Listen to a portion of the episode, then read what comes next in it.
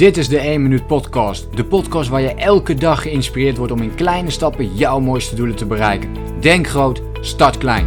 Ik ben Leroy en ik heet je van harte welkom bij de 1 Minuut Podcast.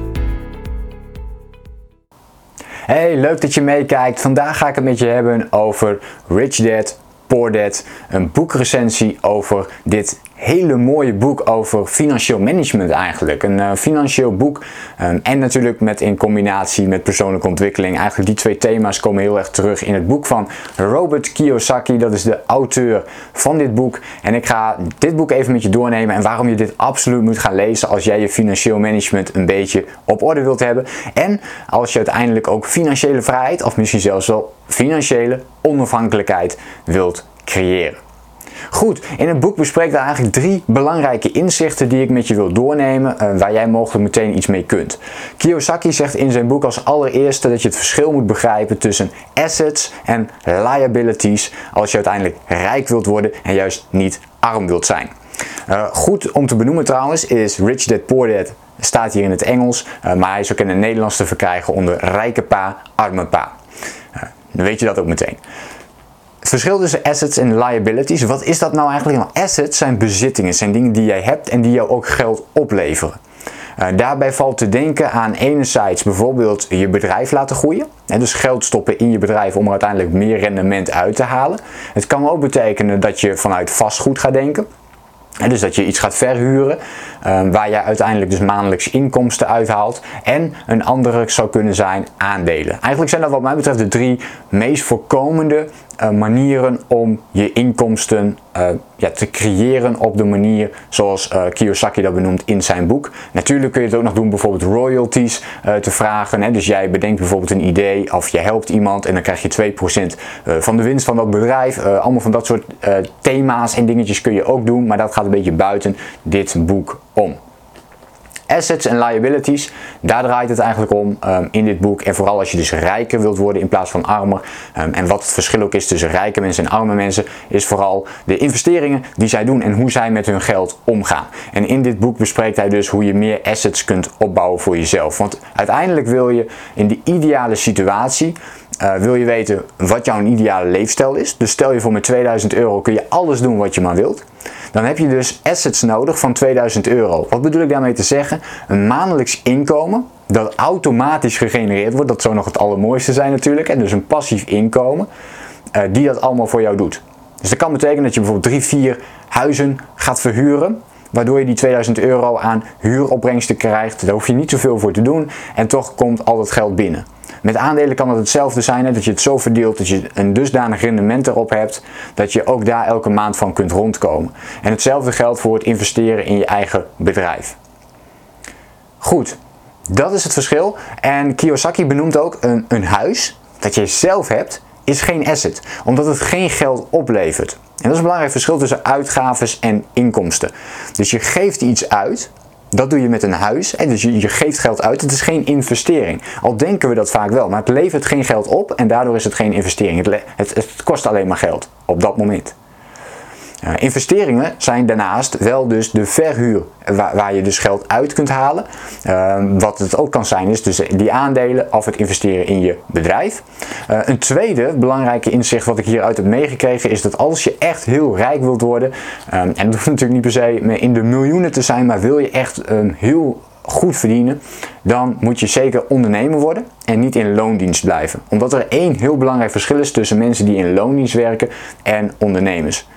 En dat is de belastingvoordelen die je krijgt als ondernemer. Uh, je, we krijgen allebei inkomsten. Hè? Dus de ondernemer krijgt inkomsten en daarnaast krijgt, uh, als, je, als je werknemer bent, krijg je ook inkomsten. Dus dat is allebei gelijk aan elkaar. Daarna gebeurt er iets heel interessants. Van die inkomsten, dus stel jij werkt voor een baas, dan gaat daar um, de belasting uiteindelijk af. Maar eerst gaan alle, um, dus eerst gaat je belasting eraf. Dus ik moet het wel goed zeggen, dus de inkomsten heb je. Daarna gaan de belastingen daaraf. Die worden afgedragen. En daarna geef je dingen uit. Kortom, over die dingen die je uitgeeft, daarover wordt geen belasting meer afgedragen. Want dat heb je daarvoor al gedaan. Dus jouw inkomsten, jouw belasting wordt afgedragen over al jouw inkomsten die je hebt. Bij een ondernemer is dit juist net andersom. Ze hebben inkomsten, dan gaan alle uitgaven er, er eerst af en daarna pas betaal je belasting. En dit levert dus al een belastingvoordeel op van vaak iets van, uh, ja, nou ja, hè, reken het maar uit. Maar uh, de tarieven die veranderen natuurlijk iedere keer. Maar tussen de 35 en 50 procent, afhankelijk van wat je verdient ook. Maar die belastingvoordelen die krijg je dus al op alle uitgaven uh, die je daarin doet. En er kunnen best wel veel dingen zijn. Dus je hebt daar altijd al een belastingvoordeel te pakken. En in één jaar tijd hoeft dat nog niet heel veel geld te schelen. Maar als je dat over de jaren gaat uitrekenen, dus over 10, 20 jaar, dan is dat een enorm groot bedrag. Of dat kan heel erg hoog oplopen. Dus dat is de tweede om heel goed te, te onthouden. Natuurlijk heb je ook een bepaalde beperking. Als je als werknemer, dan kom je op een gegeven moment tegen een salarisplafond aan. Als ondernemer heb je de mogelijkheid om continu door te groeien. Drie, en mijn derde inzicht dus is gericht op het financieel management dat ook Robert Kiyosaki voor zichzelf heeft. En dat is een drie stappenplan die je gewoon moet doorlopen om uiteindelijk rijk te kunnen worden. De eerste is make money, dus en maak geld, verdien geld. Nou, dit, begrijpt, dit, begrijpt iedereen wel. Hè? Je hebt dus een salaris nodig om dat te gaan doen. Uh, wil je dat proces versnellen, dan heb je een hoger inkomen nodig. Maar, zegt Kiyosaki, alleen een hoog inkomen is niet het allerbelangrijkste. Wat nog veel belangrijker is, is hoe jij met dat geld omgaat. Er zijn miljonairs die alsnog blut zijn omdat ze ook nog meer uitgeven dan die miljoenen die zij hebben. En dan lukt het dus alsnog niet. Dus de tweede stap is wellicht de belangrijkste stap en dat is keep money. Dus make money, keep money. Dat is stap 2.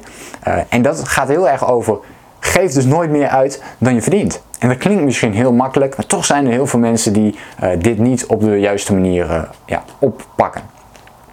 Het is heel goed om te onthouden. Um, spend less than you earn. Zo zeggen ze dat in de persoonlijke ontwikkeling ook wel eens. Hè? Spend less than you earn. Uh, onthoud het heel goed. En dan kun je de volgende stap nemen. En als je weet hoe je je geld kunt bewaren. Dus dat je weet, oké, ik verdien meer geld, maar ik hou ook een bepaald percentage hou ik voor mezelf dan kun je door naar stap 3 en dat is invest money. Okay, dus allemaal op een rij, dus make money, keep money en invest money. En dat is de plek waar je gaat investeren dus in je geld. Dus je hebt een bepaald percentage wat je bijvoorbeeld afdraagt. Dat is ook nog een hele mooie tip in, uh, in zijn boek. Is uh, pay yourself first. En dus zorg ervoor dat jij een bepaald percentage, en vaak is een aanrader om met 10% te beginnen, van je inkomen, zet dat opzij en ga dat investeren. Dus ga dat investeren in iets wat jou meer rendement gaat opleveren en meer geld gaat geven. Dus dat kan zijn investeren in je eigen bedrijf. Dat kan weer zijn investeren in vastgoed. Dat kan weer zijn investeren in aandelen. Dat zijn die drie belangrijke punten die ik hier even uitleg. Natuurlijk zijn er meerdere uh, manieren, maar dat zijn de drie uh, meest voorkomende manieren om dat te doen. En vaak ook het uh, handigst of het makkelijkst om daarmee te beginnen. Dus dat zijn de drie stappen die je wilt doorlopen voor financieel management. Make money. Uh, en hoe meer geld je dus kunt verdienen en je kunt het ook bewaren, hoe sneller je natuurlijk kunt gaan investeren en hoe meer je kunt gaan investeren. En waardoor je dus uiteindelijk ook een hoger maandelijks inkomen kunt gaan genereren.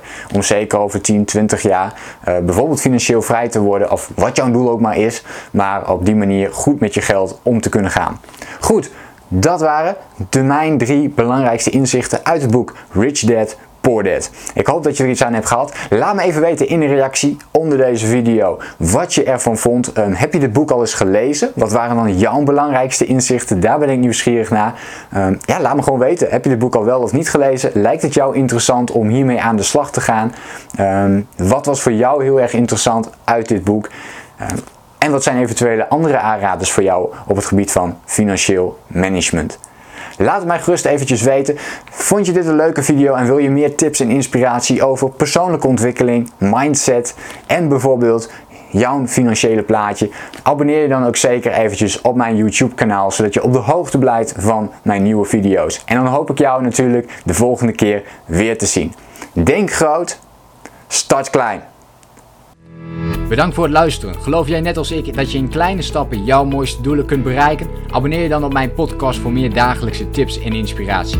Laat me weten wat je van de podcast vond, deel de inspiratie en geef het door. Laat me weten wat je van de podcast vond, deel